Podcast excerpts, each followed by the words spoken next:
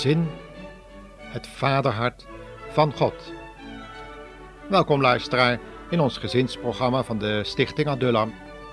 Vandaag willen we met u nadenken over de vrijgevigheid van God als Vader. Dat hadden we in ons vorige programma al beloofd, dat we daarover zouden spreken.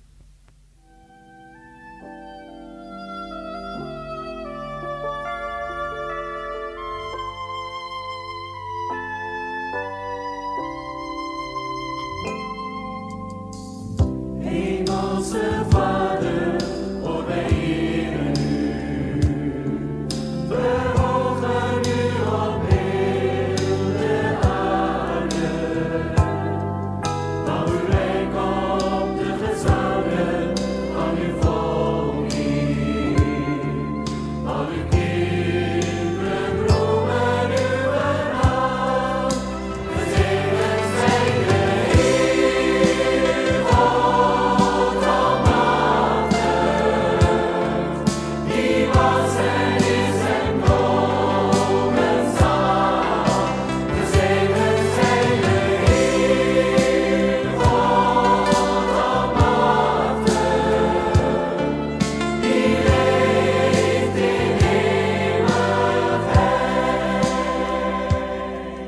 Was in een inheems dorp aan de stille Zuidzee.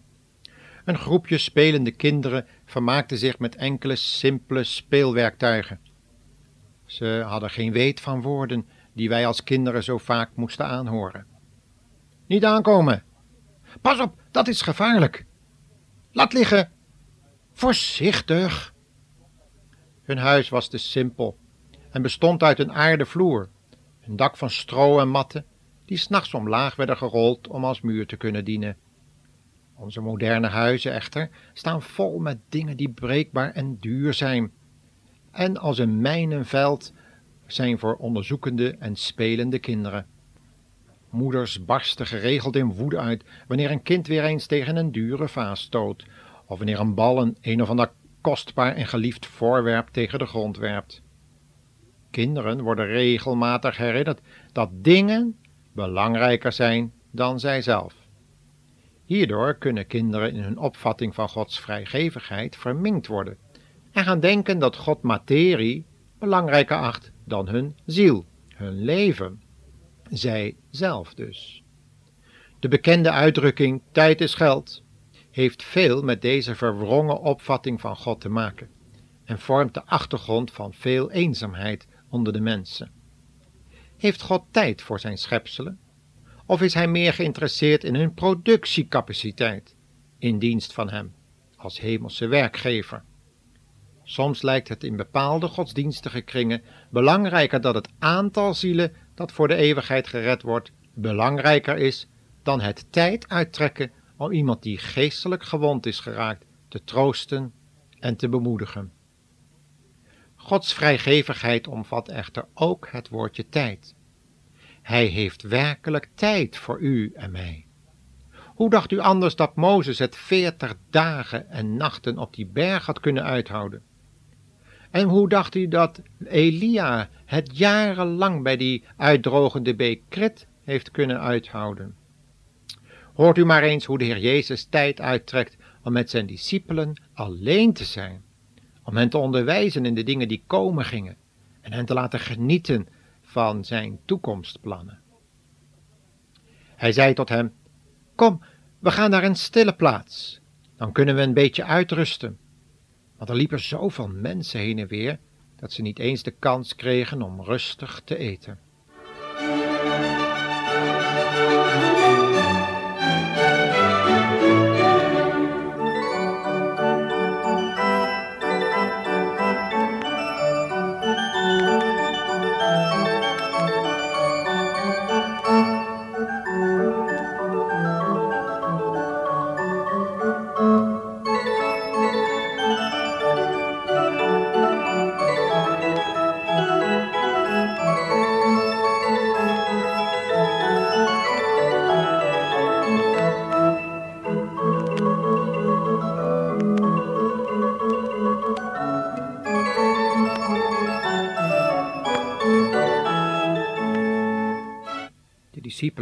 Kregen dus ruimschoots de gelegenheid om hun ervaringen met Jezus te delen. Maar hoeveel vaders nemen de tijd om naar de ervaringen en gedachtenontwikkelingen van hun kinderen te luisteren en hen daarin te begeleiden?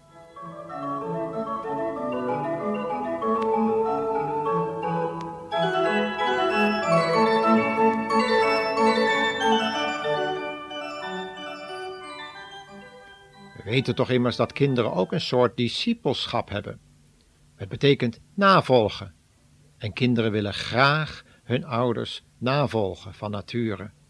Maar zijn wij dan wel de juiste voorbeelden? De Heer Jezus is altijd meer geïnteresseerd in de toekomst van onze ziel dan in onze productieactiviteit. Maar hij wil ook daarin adviezen geven, hoe wij onze ziel kunnen bewaren behouden. Zo wil God de Vader dat we genieten van Zijn schepping en ons proberen in te leven in Zijn gedachten hoe Hij zou willen dat we Zijn aarde zouden bebouwen en bewaren, zoals dat onze eerste opdracht trouwens was. Doordat we niet genoeg tijd hebben genomen om naar Gods gedachten te luisteren en onze eigen gedachten hebben gevolgd, is het met deze aarde slecht afgelopen. Dat kunnen we om ons heen wel zien. Milieuvervuiling geeft aan hoe weinig verantwoordelijkheidsbesef we hebben getoond.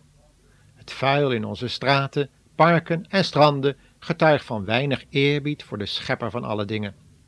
En toch presteren diezelfde mensen die van deze aardbol een vuilnishoop hebben gemaakt, om God ter verantwoording te roepen voor alle gevolgen van de milieurampen die komen.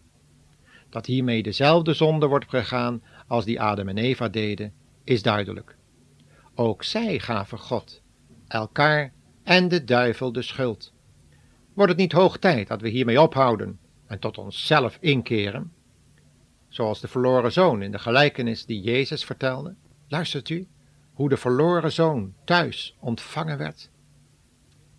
Eindelijk kwam hij tot bezinning en dacht bij zichzelf: Bij mijn vader thuis hebben zelfs de knechten meer dan genoeg te eten. En kijk mij nu eens hier zitten. Ik sterf bijna van de honger ik weet wat. Ik ga naar mijn vader en zal hem zeggen: Vader, ik heb gezondigd tegen God en tegen u. Ik ben het niet waard nog langer uw zoon genaamd te worden.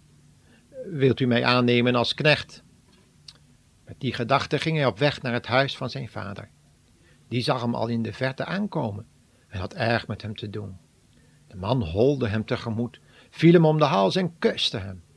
Vader, zei de zoon, ik heb gezondigd tegen God en tegen u. Ik ben het niet langer waard uw zoon genaamd te worden. Uh, maar de vader liet hem niet eens uitspreken en zei tegen de knechten: Vlug, haal de mooiste kleuren die we in huis hebben. Geef hem die kleren om aan te trekken.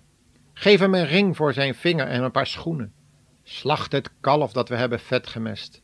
Wij gaan feest vieren, want mijn jongste zoon was dood en is weer levend geworden. Ik was hem kwijt en heb hem weer terug.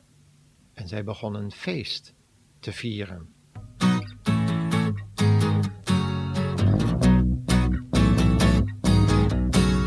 Een splinternieuw leven, dat heb ik gekregen. Het kwam door zijn liefde en door zijn genade. Ik kan ervan zingen, kan dansen en springen. Hij leeft, ja, halleluja. Want God had de wereld zo ontzettend lief. Dat hij gaf zijn eigen zoon, die eenmaal voor ons stierf. Een splinternieuw leven heb ik toen gekregen. Het kwam door zijn liefde en door zijn genade. Ik kan ervan zingen, kan dansen en springen. Hij leeft, ja, halleluja. Zo kon het niet langer meer. Mijn zonden maakten scheiding tussen mij en de Heer. Een splinternieuw leven heb ik toen gekregen. Het kwam door zijn liefde en door zijn genade. Ik kan ervan zingen, kan dansen en springen.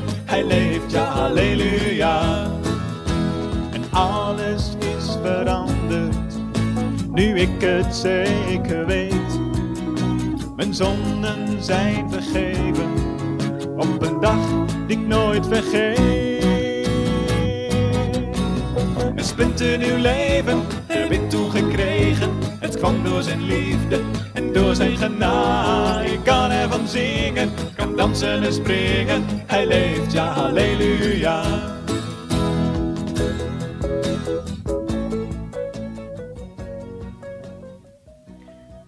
Begrijpt u nu, luisteraar, dat er feest is in de hemel om iedere verloren zondaar die in het besef van zijn of haar verloren toestand de toevlucht neemt tot het vaderhart van God?